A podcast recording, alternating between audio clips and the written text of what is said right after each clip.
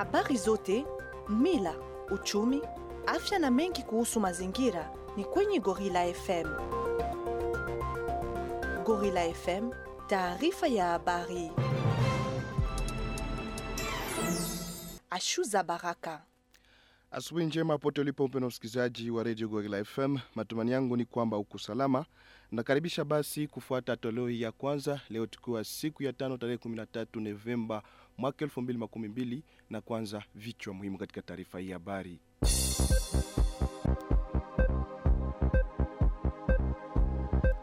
Na kwa habari muhimu katika taarifa hii ni kwamba mbuga la kuhifadhi wanyama la Kauzi Biega Penkabe itasherekea miaka makumi tano tangu kuumbwa. Ilikuwa tarehe makumi tatu Novemba mwaka wa elfu moja mia kenda makumi saba. Katika kusherekea sikukuu hiyo, mashindano ya kupanda kunako mlima Kauzi inapangwa kwa ajili ya wanawake tarehe makumi mbili Novemba. Tuzo mbalimbali zinaandaliwa kama vile utakuwa ukimfuata anayehusika na mawasiliano kwenye mbuga hilo akieleza mengi katika taarifa ya habari. Na kwa habari tu za mazingira ni kwamba nchi ya Jamhuri ya Kidemokrasia ya Kongo inasema kujipanga sawasawa kwa kuboresha hali ya mazingira ili kukomesha mabadiliko ya hewa nchini Jamhuri ya Kidemokrasia ya Kongo. Julisho hii ni waziri husika na mazingira Claude Nyamugabo wakati wa mkutano iliyoendeshwa mjini Kinshasa. Habari hizi na habari za michezo utazifuata kwa udondozi katika taarifa hii habari ambayo inawekwa angani naye Grace Binja. Punde kidogo itakuwa ni habari kamili.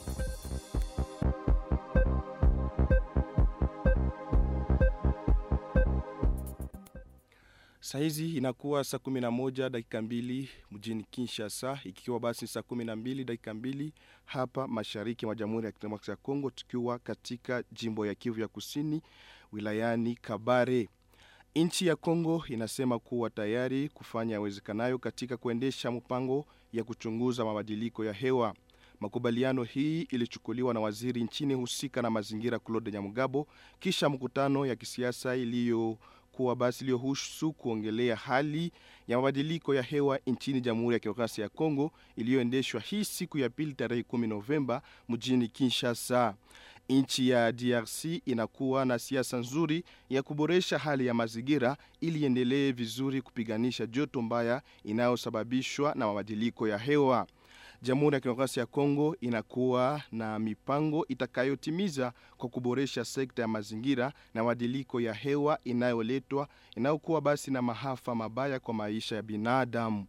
Mkutano hiyo ilikuwa basi pia na lengo ya kuongelea mbinu mbalimbali za kufikia na kuweka wizara toka sekta mbalimbali itakayohusika na kuchunguza hali ya mabadiliko ya hewa nchini. Mkutano huu kiliwakilisha pia watafiti toka sehemu mbalimbali, wanasiasa, wahusika na uchumi toka sehemu mbalimbali za dunia, pia na shirika la raia. Waziri husika na mazingira pia maendeleo ya kudumu nchini Kongo, Claude Nyamugabo anaonyesha shauku lake kwa kuinua sekta ya mazingira kwa kupiganisha mabadiliko ya hewa. Kama vinavyokuambia katika taarifa hii ya habari ni kwamba mbuga la kuhifadhi wanyama Penkabe itasherekea miaka makumi tano tangu kuumbwa tarehe makumi tatu Novemba katika mwezi utunao. Mbuga la Penkabe inapanga sherehe nyingi kwa ajili ya siku hiyo.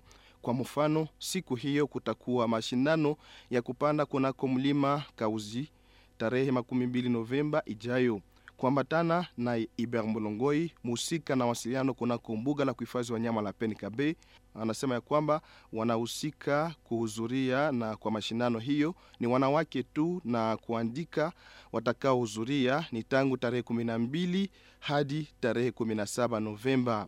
Wanawake watakaotaka kuhudhuria kwa mashindano hiyo wanaweza kujiandikisha kwa bure kunako ofisi ya utalii inayopatikana mjini Bukavu au kunako sekta husika na kupokea wageni Pachivanga kwa wanaoishi kando kando ya mbuga la kuhifadhi wanyama. Shurti ni, ni kwamba atakayetaka kuhudhuria kwa mashindano hiyo ni kufika na kitambulisho yake ama carte d'electeur, pia kuacha namba yake ya simu. Tunzo mbalimbali zitaandaliwa kwa wanawake watatu watakaotoka washindi, amejulisha Iber Molongoi. Kwa tarehe hiyo hiyo tu makumi mbili Novemba, mazoezi yani marathon itaendeshwa toka Chivanga hadi Mugaba kutukiwa tu katika mbuga la kuhifadhi wanyama la Penkabe, na inahusu tu askari polisi, askari jeshi, pia walinzi wa mbuga za wanyama. Kwa ajili ya mashindano hiyo, tuzo zitatolewa kwa ng'ambo yote, kama vile amemalizia Iber Mulongoi ambaye nakualika kumfuata. na hivi kwa sasa tunaanza kwanza na hiyo banaita ascension ya Mokauzi, kupanda kwenye kilima cha Mokauzi. Ni mmoja wapo wa kilima inakaa kwenye mbuga la wanyama la Kauzi Biega kwa wamama na wanawake wa binti. Uh, kwa kule wote mwenye anasikia kuna nguvu ya kupanda kilima ya mwaka uzi, kwa sababu kutakuwa pia ma, malipo mbalimbali ama sijui naweza kusema uh, uh, mapri mbalimbali itakuwa kwa ule matatoka wa kwanza, wa pili, wa tatu. Uh, manani mbalimbali ita, ita, itafanyika pale na itakuwa kuankuraje watu kujua zaidi mbuga lenyewe na Kauzi Biega. Tunakuwa nayo hapa karibu na watu wajue, na ni wengi ambao wajue na weko nayo pembeni yao. Alors tunapatia chance kwa kila mtu wote mwenye atakuja akuje aende kufanya ile ascension kwa wanawake zaidi na hakuna hakuna malipo yote juu ende utembee mumbuga la Kauzi Biega ama kufanya ile kilima e, ile kupanda ile kilima, hakuna malipo yote wala condition yote. Condition ni tuna carte de lecteur yako na kuacha numero de contact yako na ya zaidi ni nikutuambia kama kwa bonne sante. Nikukumbushe kwamba mbuga la kuhifadhi wanyama la Penkabe iliumbwa tangu tarehe 13 Novemba mwaka wa 1917. Tubaki tu huku Kabare, mahali ambapo shirika isiyokuwa ya kiserikali Primate Expertise ambayo inahusika na kulinga ngila mbalimbali kubwa katika mbuga la kuhifadhi wanyama la Kauzibiega inalilitolea hii siku ya ine tarehe 12 Novemba chakula kwa walinzi wa mbuga la kuhifadhi wanyama. Obero Kitumaini anakuwa nami studioni kwa maelezo kamili. Lengo ya kuleta chakula hiyo kwa walinzi wa mbuga la kuhifadhi wanyama la Kauzi Biega ni kwa ajili ya kuwasaidia kupata chakula, hasa kwa wakati mgumu huu wa maradhi ya coronavirus ambayo iliweza kusababisha kazi nyingi kuharibika duniani, ikiwemo kazi ya utalii hapa kwenye mbuga la kuhifadhi wanyama la Kauzi Biega. Chakula hiyo iliyotolewa na Primate Expertise kunaonekana ndani mifuko ya bunga ya mahindi, maharagi, chumvi, mafuta, samaki ya kopo ama sardine, pia kunapatikana biskwiti. Kwake kiongozi wa Primate Expertise Kanyunyi Basabos, tendo hiyo ya kuleta chakula ni kwa sababu wanathamini sana kazi na kujitolea kwa walinzi wa mbuga ya kuhifadhi wanyama la Parc National de Kauzi Biega Mapenkabe, kwa kazi ambao wanakuwa wakiendesha kwa kulinda mazingira, hasa msitu huu wa Penkabe pamoja na nyama ambazo zinapatikana ndani. Huyu anafahamisha kwamba nyama hizo ambazo zinapatikana ndani ya Penkabe zinakuwa zenye thamani kubwa sana duniani kiujumla na nchini DRC kwa upekee, hasa ngila graweri ambazo zinapatikana nchini Jamhuri ya Kidemokrasia ya Kongo peke yake katika dunia mzima, ikiwa ndani ya Penkabe. Tuko wa temoin privilegie ya magumu ambayo pake inayo sasa kupitia hii COVID-19, kwani hii COVID-19 ilituma pake inaarete tourisme na tourisme ilikuwa eh, source kubwa sana ya financement, ilikuwa inasaidia pake kwa kufanya kazi zao. Kutoka COVID imeanza ilikuwa mgumu sana, na sisi kama kikundi Expertise partenere wa park tunajua eh, magumu ambayo park sasa inakuwa nayo. Ndio maana tulijaribu kutafuta hapa na pale kwa waparteneri wengine kuendelea kufanya kazi, kwani garde kama hakula hawezi kufanya kazi, na hii ni mara tatu kwa mwaka huu ambayo tunaleta iration chakula, maharage, unga, samaki, mchele, sukari, vitu kama na hivyo, na inasaidia sana, tuna uhakika.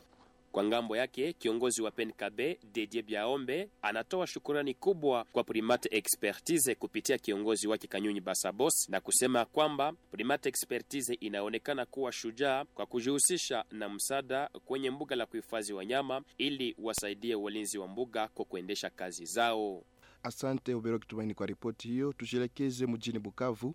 Liwali wa jimbo ya Kivu ya Kusini Teo Kasingwa Bije na mwenzake wa jimbo moja ya Rwanda inayokuwa karibu na mpaka Bukavu na nchi ya Kongo wamekubaliana kufungua mpaka wa Ruzizi ya kwanza na Kamanyola kwa wanafunzi, wanachuo na wafanyakazi na waganga toka nchi hizi mbili. Divin Kashali anakujia na ripoti kamili. Suluhisho hiyo ilitokea kati ya makubaliano na waliwali wawili hii tarehe 11 Novemba mwaka 2012 mjini Bukavu. Kwa ng'ambo ya waliwali wote wawili wamekubaliana kuhimiza jamii zao kusitovuka mpaka kiolela, pia kwa kuheshimu kanuni za afya kwa kujikinga na kuepuka magonjwa ya coronavirus. Mpaka ya jimbo ya Kivu Kusini na ya Kivu Kaskazini inafunguliwa kwa watu ambao wanakuwa na vitambulisho kama vile passport ama laissez passer, jeton haikubaliwe. Jimbo ya Kivu Kusini na jimbo ya Rwanda inayokuwa kwenye mpaka na Kongo kwa ajili ya maendeleo na uchunguzi inayoendeshwa kando kando na mpaka, biashara vinaendelea kuvuka, pia wagonjwa wanaruhusiwa kuvuka, ila kwa kuheshimu kanuni za afya. Pata habari za muhimu kuhusu mazingira kwa wakati unaofaa. Gorilla FM. Na tuongelee habari zingine katika taarifa hii habari. Mwanabunge nchini mchaguliwa wa Walungu jimoni Kivu ya Kusini, ya Mato Bayu Basire aliendesha mazungumzo naye waziri makamu wa kwanza wa mambo ya ndani Gilbert Kakonde kwa kuzungumzia swali ya mauaji ya wafanya, wa wafanya biashara ya kabila ya Mushi tarafani Walikale jimoni Kivu ya Kaskazini, pia na hali ya usalama mdogo jimoni Kivu ya Kusini. Melchior Nyamugabo anakuja na ripoti kamili. Wakati wa mazungumzo hayo, Amato Bayobasire analazimisha utafiti uendeshwe kwa kugundua hali gani iliyopelekea kwa mauaji ya kinyama kwa wandugu hao. Kwa hiyo tu kikao, Amato Bayobasire hakuweza kuficha kwa waziri makamo wa kwanza umuhimu ya kupata usalama kwa wakaaji wote wa Kivu Kusini kama vile wengine wa Kongomani, na kama hakuna hatua itakayotolewa, mchaguliwa huyo wa Walungu tamuitisha waziri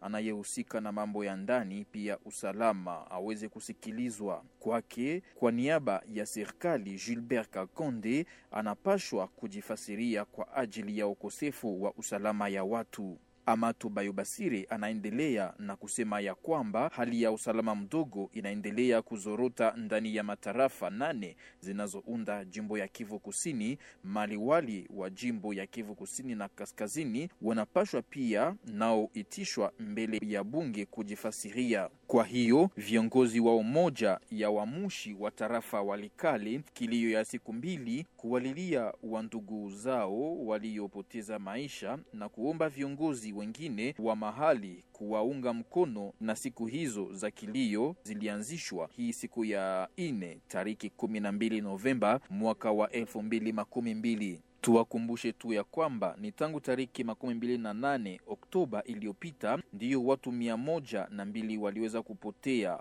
makumi mbili na sita kuuawa na miili zimoja kutupwa ndani ya mto Kokwe tarafani huko, watu wawili kuumizwa vikali na zaidi ya kumi kuponyokea chupuchupu. Duruzi moja zasema kwamba watenda maovu hao wanawaziwa kuwa ni wakundi ya Gidon Shimarai akiwa kiongozi wa kundi ya kijeshi NDC Renove, pia Mungilima Kalao Kake anayehusika na operesheni ya kundi NDC Renove. Na habari za siasa katika taarifa ya habari ni kwamba liwali wa Kivu ya Kusini na Kivu Kaskazini wamewasili mjini Kinshasa kwa mwaliko ya rais wa Jamhuri ya Kidemokrasia ya Kongo Felix Antoine Tshisekedi. Karlin Zanzu Kasivita wa Kivu ya Kaskazini na jirani yake wa Kivu ya Kusini Teo Kasingwabije wamejielekeza Kinshasa kisha mchana kati ya hii siku ya ine tarehe 12 Novemba mwaka 2012 kwa kuhudhuria kwa mazungumzo ya pamoja iliyoanzishwa naye rais wa DRC.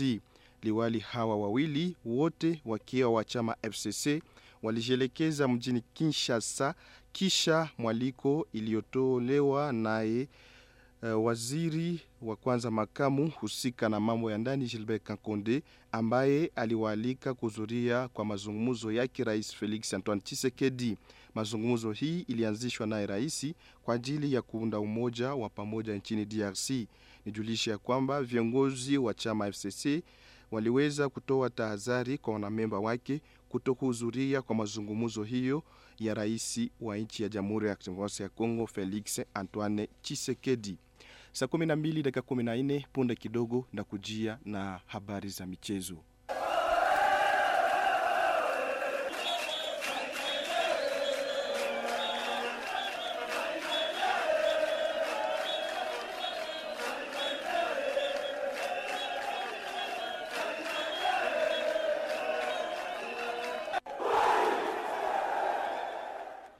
Habari za michezo tutaelekeza huko Kalehe, mahali ambapo kwa mashindano ya michezo ya miguu huko tarafani Kalehe kwa kipindi cha mwaka 2022-2021 mechi ine zinapangwa hii siku ya tano tarehe 13 Novemba kunako uwanja mbalimbali.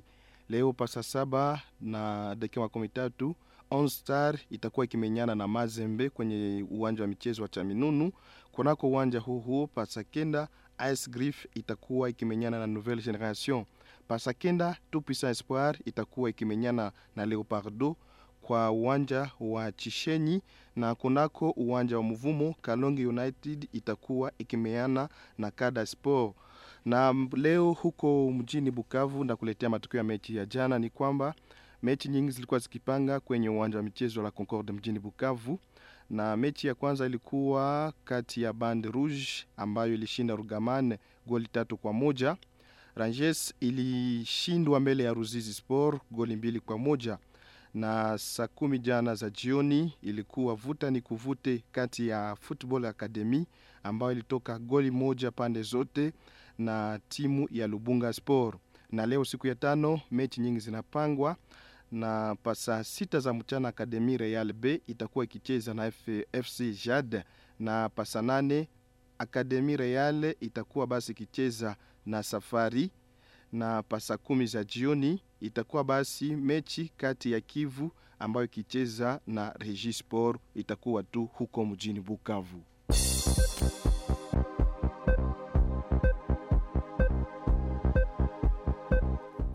La nyongezo sina kwa taarifa hii ya habari. Toleo ya kwanza ya siku ya tano na kutakia basi pamazuko njema malipote ulipopenda msikilizaji. Jina langu ashuza baraka grace binja anabaki ngamo za ufundi. Punde kidogo elen bujiriri anakuwa ndani ya studio kwa taarifa hizi hizi katika lugha ya kifransa